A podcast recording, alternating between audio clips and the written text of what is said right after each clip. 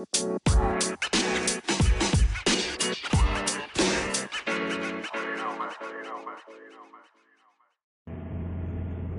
hai hai, jumpa lagi Sobat Hoppers Gimana kabarnya? Semoga kalian semua sehat-sehat selalu Dan semuanya diberkati Tuhan. Oke, terima kasih juga buat teman-teman yang baru join di podcast saya. Ya, thank you so much. Kalian bisa ngeklik tombol subscribe ataupun following Di kalian punya playlist masing-masing. Makasih ya, nanti kalian akan dapat update-update yang terbaru deh dari podcast saya.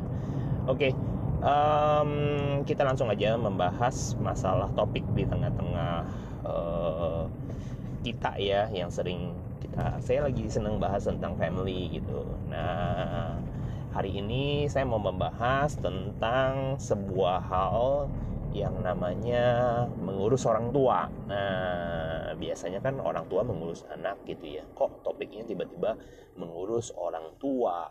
Hmm, ada apa ini? Oke okay.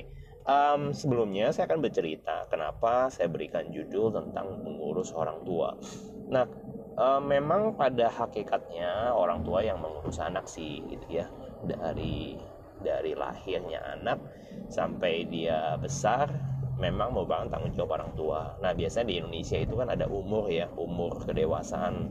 Nah, biasanya ada yang menentukan oh umur uh, seorang anak-anak uh, anak-anak perempuan atau laki-laki masih di dalam pengawasan orang tuanya sampai mereka berusia 17 tahun. Nah, ada yang menyebutkan 21 tahun sebagai usia dewasa gitu ya. Uh, tanggung jawab orang tua 17 uh, 18 ya. Hah? bukan ya oh sampai 21 ya kita let's say kita ambil parameternya universal aja yang lebih tinggi yaitu 21 tahun nah ketika mereka menginjak usia 21 tahun sebenarnya mereka sudah dianggap sebagai warga negara yang sudah dewasa dianggapnya ya usia seperti itu walaupun tidak semuanya menurut saya ukuran kedewasaan itu bisa diukur dengan uh, usia. Ada juga yang usianya masih muda tapi mereka udah dewasa. Tapi ada juga yang udah tua tapi nggak dewasa. Tapi kita nggak bahas topik itu. Tapi kita lebih membahas kepada um, mengurus orang tuanya. Nah ya somehow Uh, ketika man, uh, ketika anak-anak sudah mencapai usia dewasa, kedewasaan, lewat daripada 21 tahun, mungkin 30 tahun, 40 tahun. Nah, kita harus mengerti bahwa orang tua kita itu lebih tua dari kita, setuju ya? Nah, biasanya kemampuan dan kesehatan mereka itu uh, tidak bisa uh, kita berkata bahwa pasti mereka sehat, pasti mereka bisa uh, mencukupi kebutuhan mereka sendiri pasti bisa mereka mengurus uh, diri mereka sendiri. Belum tentu ya. Apalagi orang tua orang tua zaman zaman saya dulu gitu ya mereka memang tidak melakukan banyak sekali persiapan. Tidak seperti uh, orang-orang saat sekarang ini yang sudah lebih teredukasi. Misalnya apa contohnya? Misalnya soal asuransi aja deh. Orang-orang tua dulu coba deh teman-teman hoppers ya yang punya orang tua yang zamannya lahir tahun 1940, 19 sampai era 1950 itu orang tua kita hampir-hampir jarang sekali memperhatikan tentang kesehatan mereka. Mereka jarang check up, mereka jarang yang namanya punya asuransi eh, kesehatan, asuransi jiwa. Jadi hal-hal itu uh, bukannya nggak ada ya ada. Mungkin bagian teman-teman oh papaku ada kok. Iya nggak semuanya. Tapi beberapa teman-teman daripada papaku daripada mamaku almarhum papa dan almarhum mama by the way uh, itu seperti itu gitu. Jadi uh, mereka miskin informasi dan mereka sangat kurang educated gitu ya. Jadi mereka berpikir asuransi itu cost biaya ya. Lebih baik saya pakai untuk anak saya dan sebagainya. Nah itu yang menjadi dasar di mana mereka tuh kurang memperhatikan dan mempersiapkan masa tua mereka. Sehingga mereka hanya menjadi they're growing old ya they growing their kids ya the kids growing cuman mereka lupa memperhatikan kesehatan mereka dan kesiapan mereka. Yang terjadi apa? Mereka pada saat mereka usia tua nah ini yang jadi problem ya ini jadi titik masalah saya mereka menjadi tua dan mereka banyak yang tidak tidak tidak tidak sedikit mereka yang punya gangguan kesehatan di masa mereka usia tua 60 sampai 70 tahun. Mereka mengalami sakit, mereka mengalami penurunan kesehatan mereka mengalami kelemahan tubuh sehingga mau tidak mau mereka tidak bisa lagi beraktivitas mereka tidak bisa lagi uh, apa ya bekerja seperti normalnya mereka pada saat mereka usia masih muda. Nah ini yang jadi uh, poin yang pembahasan saya. Bagaimana kalau orang tua kita uh, mengalami gangguan kesehatan mengalami kelemahan fisik dan mengalami hal yang mengakibatkan mereka tidak bisa lagi bekerja dan tidak mendapatkan income? Belum lagi asuransi tidak ada. Ya oke contoh lah kalau kalau uh, kalau ya pun bisa punya income misalnya jumlah pengeluaran lebih besar daripada pemasukan. Ya dia kan harus ke dokter obat dan sebagainya. Sedangkan mungkin income-nya nggak terlalu sebanyak yang bisa dihasilkan untuk menutupi pengeluaran. How? Nah ini menjadi pokok pembahasan. Banyak sekali anak-anak saat sekarang ini generasi-generasi yang saat sekarang ini yang dilahirkan tahun era tahun 1970 1980 sampai tahun 2000 mengalami problem dan dilema. Mereka mengatakan bahwa orang tua itu merepotkan sekali ketika mereka sakit ya. Di mana mereka harus uh, satu sisi mereka membiayai orang tua mereka harus cari kos harus cari uh, bukan harus cari kos ya harus cari cara untuk menutupi biaya kos gitu ya kosnya mama bapaknya gitu orang tua mereka. Sedangkan mereka juga harus sekolah mereka ada yang harus bekerja mereka juga ada yang menghidupi keluarga mereka masing-masing gitu loh. Nah ini gimana? Jadi banyak sekali bertanya-tanya seperti itu. Nah um, saya juga mau berbagi kepada teman-teman hoppers ya tentang kesaksian hidup saya juga. Mungkin ada yang pernah dengar kesaksian saya atau yang sudah kenal saya. Ya saya dulu nikah sama istri saya tahun 2002 nah kami ya spend time cuma berdua. Satu rumah itu cuma 3, uh, ukuran rumah kami kecil 3,7 kali 15 pada saat itu dua lantai. Nah kami tinggal berdua. Uh, somehow tahun 2009 jadi 2002 sampai 2009 ya. Nah somehow 7 tahun kemudian mama saya uh, eh sorry bukan mama saya papa saya. Papa saya jatuh di kamar mandi dan mengalami stroke. Sakit. Ya papa saya uh, bekerja bisnismen dan pada saat itu ketika dia jatuh uh, paniklah kami gitu ya. Karena papa dan mama tinggal di kota tinggal di Mangga Besar. Sedangkan saya dan istri di Cengkareng. Cukup jauh sih sekitar 9 ya eh ya 9 sampai 11 kilo lah kira-kira rumahnya gitu. Dan saya ingat banget itu kalau nggak salah dan keliru 20 Maret 2009 kalau tidak salah ingat ya itu saya ingatnya itu pada saat uh, saya mau preparasi untuk ibadah Jumat Agung. Nah, kejadian ini sungguh shocking karena kenapa? Uh, akhirnya ketika papa saya masuk rumah sakit, stroke, uh, jadilah yang namanya kan uh, dia nggak bisa bisnis, dia nggak bisa bekerja. Dan yang lebih mengejutkannya lagi, mama saya yang waktu itu sudah terkena uh, penyakit Alzheimer, ya, kemudian dia juga ikut sakit, ya, mungkin karena dia melihat ya namanya suami istri merasakan gitu ya istri. Mama saya juga ternyata karena stroke ringan juga dan mau tidak mau harus dirawat di rumah sakit. Bayangkan papa saya dirawat di rumah sakit Husada waktu itu mama saya harus dirawat di rumah sakit juga. Dan pada saat itu saudara-saudara mama saya mengatakan bahwa mama saya harus dibawa di di dekat Taruman Negara. Itu apa ya? Aduh saya lupa lagi. Namanya apa? Ini yang di samping Untar eh Ciputra aduh kalau jadi lupa ya. Oh Royal Taruma. Ya aduh aduh jadi jadi uh, Taruma jadi trauma dan tapi saya nanti saya akan bagiin. Uh, sehingga cerita mama saya dirawat di sana masuk uh, kelas IMC ya intermediate uh, intermediate punya. Jadi ruang isolasi lah kira-kira seperti itu. Tapi di bawahnya ICU ya. Setengah intensif uh, papa saya jadi bisa bayangin papa saya di rumah sakit Husada mama saya di IMC di Royal Taruma nah kejadian ini berlangsung hampir satu minggu lebih.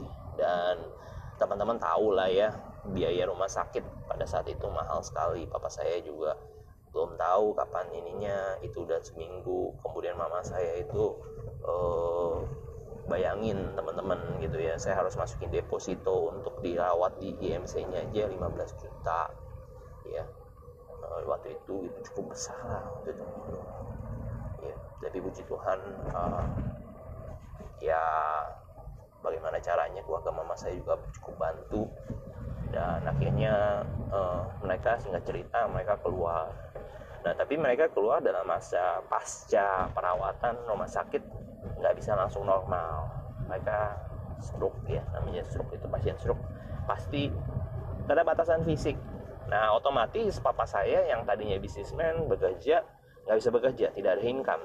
Nah mama saya ya memang sudah tidak bekerja dia ikut papa saya.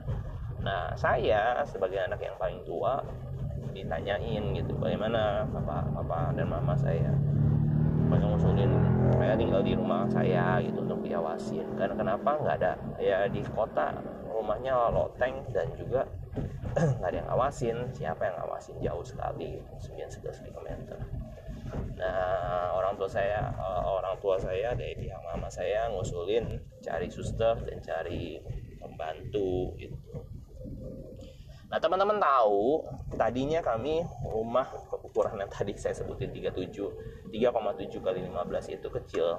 Ya ya tapi itu rumah yang home sweet home lah. Um, rumah yang kecil tadi cuma dihuni dua orang dua penghuni tapi menjadi tujuh. Kenapa bisa jadi tujuh?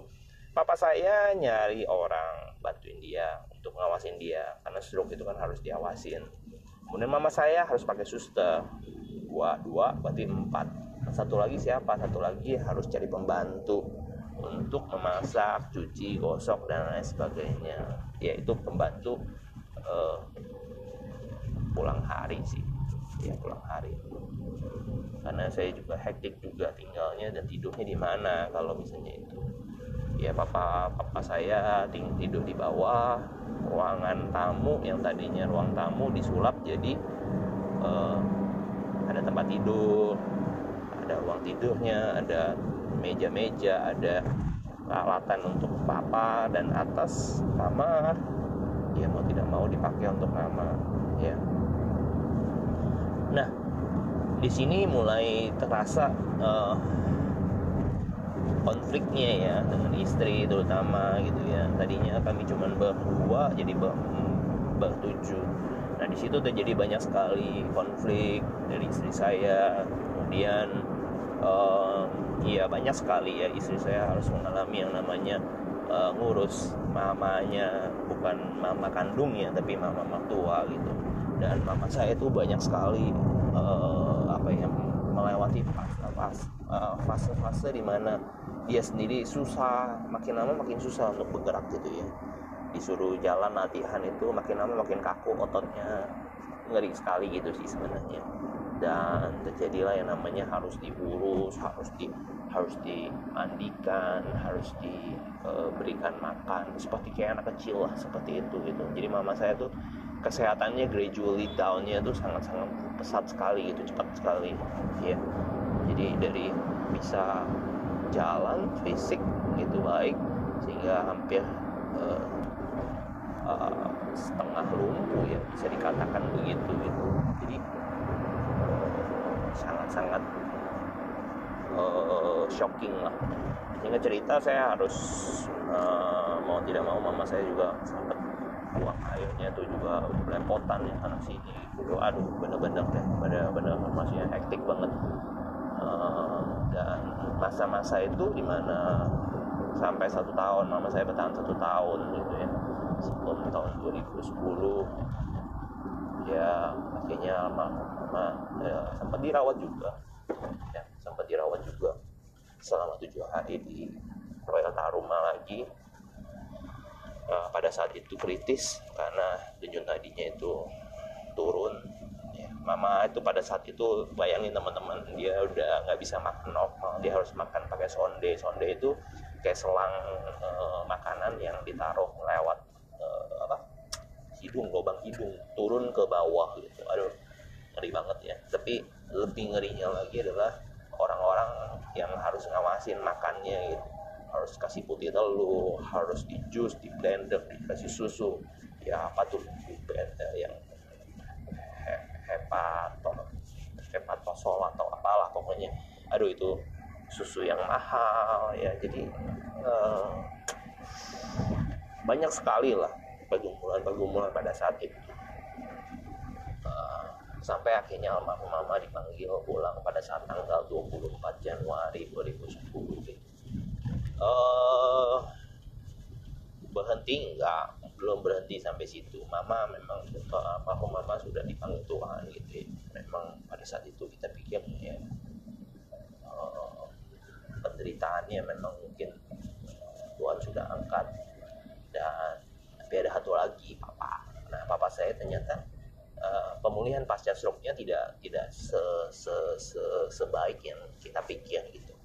Dia banyak sekali kerap kali uh, dalam masa-masa dia seperti itu papa saya orangnya keras gitu ya. Jadi uh, banyak sekali bukannya malah membaik malah banyak sekali membuat masalah sebenarnya. Dia pernah jatuh ke got gitu ya karena nolak untuk ini eh, ya mau jalan mau jalan.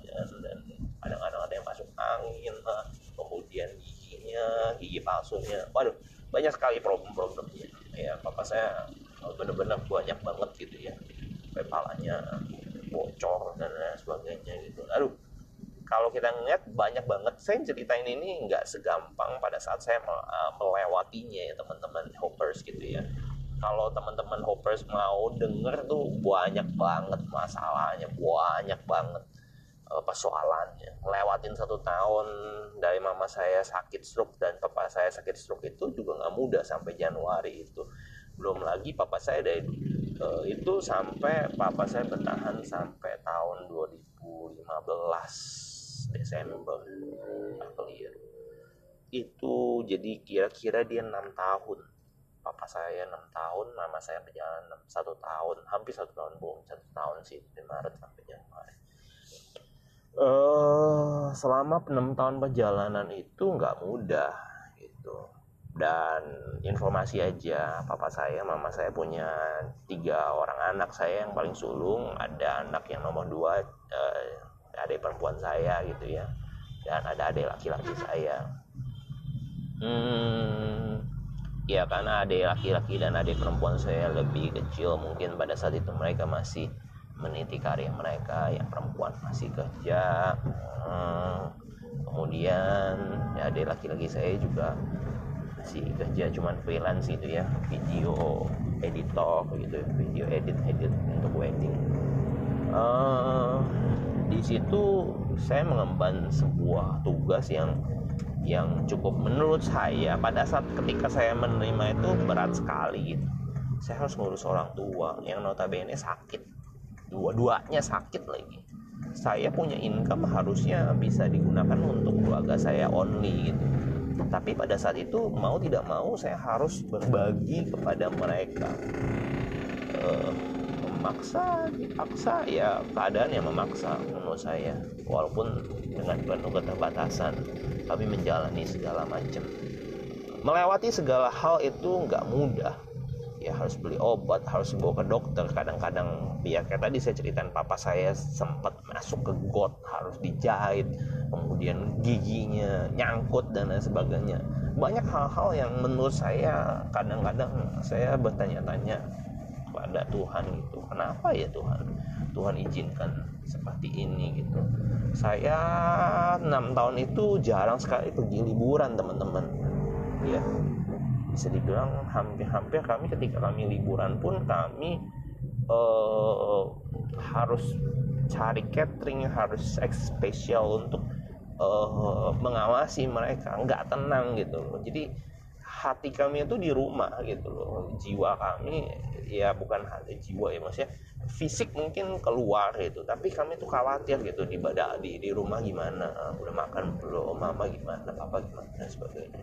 Jadi kami melewati masa-masa seperti itu. Kami tidak bisa enjoy kami tidak bisa melakukan hal-hal yang fun things ya dan couples do gitu ya. Cuman pada saat ketika saya berdoa saya banyak sekali banyak masalah menghadapi masalah daripada daripada keluarga sendiri istri sendiri juga ada masalah atau ada konflik gitu. Hmm, ya tapi eh, bersyukur bahwa saya menemukan di tengah-tengah masalah itu Tuhan banyak menyatakan suatu pernyataan dan penghiburan untuk saya kekuatan juga dia tambahkan dan ini yang menjadi sebuah kekuatan buat saya sharing hari ini gitu nah buat saya buat saya bagiin ke teman-teman hoppers ya. Buat teman-teman yang mungkin saat sekarang ini sedang mengurus yang sedang saat ini termenung kenapa merasa menjadi anak yang uh, atau orang yang kurang beruntung tidak bisa menikmati masa muda kalian kenapa Tuhan memberikan orang tua saya sakit-sakitan? Kenapa orang tua uh, orang tua yang yang bersama dengan saya bukan orang tua yang kaya bisa memberikan saya kenikmatan dan kenyamanan? Justru sebaliknya orang tua saya mungkin kurang berada dan saya harus ngurus dia dan lain sebagainya bla bla bla bla. Mungkin podcast ini menjadi sebuah jawaban buat kalian semua. Satu yang pertama bahwa percayalah bahwa ketika kalian mengurus orang tua itu kalian sedang menanamkan sebuah kebaikan.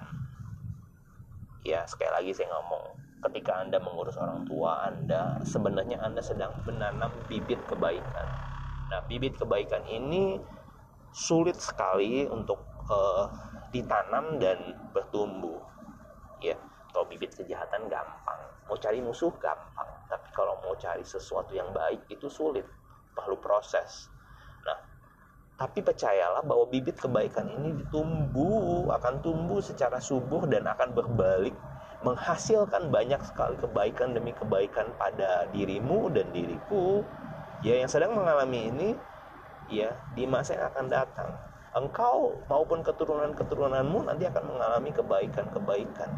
Ya karena engkau sudah terlebih dahulu sekarang menanam kebaikan menabur kebaikan satu saat niscaya engkau akan menerima. Dan akan menuai banyak sekali kebaikan-kebaikan yang engkau telah tabur hari ini saat ini. Jadi sekali lagi ingat kalau saudara lagi mengalami down yang pertama saudara harus mengingat bahwa saudara saat sekarang ini sedang menabur satu benih kebaikan. Itu penting. Jadi bukan hal yang sia-sia. Saudara sedang menabur saudara sedang menanam. Itu yang pertama. Yang kedua saudara yang kedua saudara sedang mempetenkan atau sedang membuat sebuah teladan untuk generasi berikutnya. Ya sekali lagi saya ulangin yang nomor dua. Saudara sedang membuat sebuah pattern ya membuat sebuah teladan gambaran teladan untuk generasi berikutnya. Hoppers kenapa begitu? Karena hari-hari ini kasih itu menjadi dingin. Orang itu sudah cuek orang itu nggak peduli. Tetapi kalau saudara masih diberikan kesempatan sama Tuhan untuk mengurus orang tuamu yang sedang sakit ataupun yang berkekurangan yang kurang beruntung menurut saya ya dengan hasil jerih payahmu percayalah bahwa engkau saat sekarang ini sedang membuat sebuah gambaran yang baru sebuah teladan yang baru untuk engkau wariskan kepada generasi berikutnya. Mungkin saya mau katakan engkau menjadi orang yang dalam tanda petik secara duniawi engkau kurang beruntung. Tanda petiknya dilihat dunia oh lu sial amat ya punya mak bapak seperti itu. Ya sakit-sakitan harus ngurusin harus ini itu mengorbankan masa muda dan lain sebagainya mungkin orang akan berpikir seperti itu. Tetapi percayalah saya mau kasih tahu sama teman-teman bahwa ini penting. Engkau sedang memberikan sebuah gambaran baru bahwa generasi-generasi yang beruntung generasi-generasi yang yang luar biasa akan lahir dari engkau dan keturunan-keturunan ya engkau akan mencontohkan kepada orang-orang generasi-generasi di bawah engkau. Betapa luar biasanya engkau. Engkau akan menjadi sebuah history ya yang akan diingat yang akan dicatat yang akan diceritakan oleh generasi-generasi di bawah. Bahwa engkau adalah orang yang luar biasa. Engkau orang yang menopang ya uh, orang tuamu. Menghormati mengasihi mereka ya bahkan kau yang merawat mereka di saat mereka tua dan mereka sulit mereka susah itu kau yang ngurusin. Banyak orang yang akan uh, datang kepada kita pada saat kita senang dan punya banyak harta. Tetapi sedikit sekali engkau akan menemukan orang yang sejati ya mau ngurusin seseorang yang saat sekarang itu sedang tidak ada uang dan sedang sakit. Nah di situ kelihatan kesejatian yang kau ya. Jadi anak-anak yang sejati ya punya 10 anak belum tentu 10 10 nya mau ngurusin aja punya harta ya udahlah ma saya tak suka kamu uang aja saya nggak bisa dekat sama kamu saya nggak bisa ngurus kamu dan sebagainya. Saya kasih tahu ya orang tua itu sebenarnya nggak butuh uang. Serius. Ketika mereka mereka tua itu mereka baru saya bisa menyadari bahwa yang mereka perlukan bukan uang. Yang mereka perlukan itu sebenarnya adalah kasih sayang, kehadiran, perhatian itu yang mereka butuhkan dari engkau. Jangan mengira bahwa engkau punya uang banyak, kau hebat gitu. Kau bisa kirim mamamu ke panti jompo, kau bisa bikin suster, suster atau dokter yang kemahal, terhebat engkau gaji untuk ngurusin mama papa kau. Enggak, bukan di situ letak kehebatan. Letak kehebatanmu adalah ketika engkau merendahkan hatimu, dan datang kepada orang tuamu dan kau urus dia pada masa itu. Jangan lupa hadir karena kehadiranmu itu penting lebih dari segala-gala. Ya saya sering lihat papa saya merindukan anaknya gitu ya, cerita. Ya dia ceritanya sama saya lagi. Padahal menurut saya, menurut saya loh ya, dia sayangnya mungkin kita ngomong sama anak yang nomor tiga gitu. Tapi dia ceritanya sama saya yang ya, yang notabene menurut dia gitu ya bukan unfavorite son gitu. But well ya nggak masalah sih. Buat saya saat sekarang ini saya sudah ngalamin ya sudah. Anggap aja saya belajar. Nah ya jadi itu sih. Yang pertama menanam kebaikan. Yang kedua memberikan sebuah pattern baru sebuah gambaran baru sebuah pembelajaran baru untuk generasi berikutnya. Nah ini yang penting gitu dan um, hal-hal lain yang penting kita uh, jadikan sebagai sebuah pakem ya. Uh, bahwa kita ini nanti juga akan tua. Kita akan menjadi tua. Somehow kita nggak bisa menyetop yang namanya waktu. Waktu tidak punya waktu itu kejam. Waktu itu tidak pernah mau stop untuk siapa pun. Kau kaya miskin engkau orang hebat, engkau orang susah, engkau orang melarat, engkau orang yang luar biasa punya jabatan tinggi, dia nggak peduli siapa engkau. Nah, waktu nggak bisa disebut. Nah, jadi gimana dong? Jadi jadi apa yang harus kita perbuat? Gitu. Nah, makanya ketika kita masih diberikan kesempatan ya untuk urus orang tua, saya kasih tahu ini, kasih tahu ini jadikan pengalaman mengasihi orang tuamu, ngurus orang tuamu ini adalah waktu-waktu di mana engkau sangat-sangat beruntung. Lah kok gitu? Ya mungkin orang bertanya atau hoppers bertanya. Yang terakhir ini agak sedikit aneh gitu. Kok gitu sih? Kok ngurus orang tuh beruntung? Saya banyak main uang.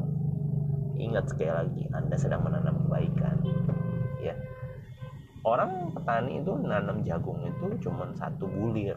Tapi hasilnya kalau tanaman itu jadi dan sudah tumbuh besar dia akan menghasilkan jutaan bulir. Ya. Jadi satu di mana satu juta itu sebenarnya nggak ada apa-apanya. Tapi memang lewati proses nggak instan. Tanam sekarang besok dapat satu juta no nggak ada. Ya fix itu nggak ada. Ya semua ada prosesnya semua ada waktunya Nah, kembali lagi kepada yang tadi saya katakan bahwa uh, saya mengatakan bahwa jadikan sebuah pedoman buat kita sebuah pakem pedoman gitu ya bahwa ketika anda sedang mengurus orang tua yang sudah tua orang tuamu yang sudah tua gitu ya yang sudah tidak berdaya yang sedang sakit yang mungkin sedang berkekurangan buat dia dia tergantung menggantungkan dirinya kepada engkau ya orang-orang barat orang-orang itu seperti tadi saya bilang banyak mengandalkan bahwa harta aja ya udah yang lain yang urusin gua nggak mau terlibat ego gitu kan. Eh, saya nggak ngomong orang timur atau orang barat tetapi filosofinya menurut saya kita harus menyelami kebutuhan orang tua kita gitu. Karena orang tua kita itu bukannya butuh untuk duitnya duit kita tapi dia butuh perhatian kita. Nah kembali lagi poin yang saya mau bagikan adalah yang ke ketiga ini adalah jadikan waktu atau momen di mana engkau bisa ngurusin orang tuamu itu engkau masukkan ke dalam memorimu bahwa engkau adalah orang yang beruntung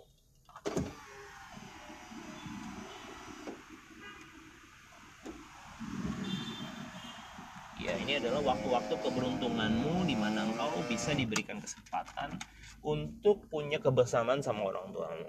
Nah, saya katakan bahwa kenapa beruntung? Karena tidak semua orang punya kesempatan untuk ngurusin orang tuanya. Ya, tidak ada semua orang, semua anak yang punya kesempatan untuk membalas budi orang tuanya. Tidak semua loh, saya katakan. Nah, memang saya mau berkata bahwa budi orang tua kita nggak mungkin lah kita bisa bayar bisa tebus ya bayangin coba kalau teman-teman hoppers yang sudah jadi orang tua kalau saudara hitung pengeluaran saudara yang saudara keluarkan untuk anak saudara. Mana bisa saudara hitung? Inflasi kurs ya. Mungkin dari apa yang sudah dikeluarkan dari sejak kita oe ya rumah sakit sampai kita udah gede kita dikasih makan taruhlah tadi 21 tahun. 21 tahun itu kali biayanya berapa? Belum lagi kalau kita sakit kita rewel. Ada anak-anak yang nggak bisa minum susu ini susu itu. Alergi saat sekarang ini lebih lebih parah lagi gitu mau ditotal totalin kita ajak anak kita uh, main-main ya. Main ke sana main ke sini keluar biaya ini keluar biaya itu. Mau keluar duit berapa? Bisa dibayar berapa? 21 tahun kemudian uangnya jadi berapa kita nggak bisa membalas budi orang tua kita. Tetapi saya mau kasih tahu, kesempatan untuk mengurus orang tua Anda yang sedang saat ini berkekurangan, sakit, ini adalah sebuah kesempatan yang baik. Ini ada sesuatu keberuntungan buat engkau.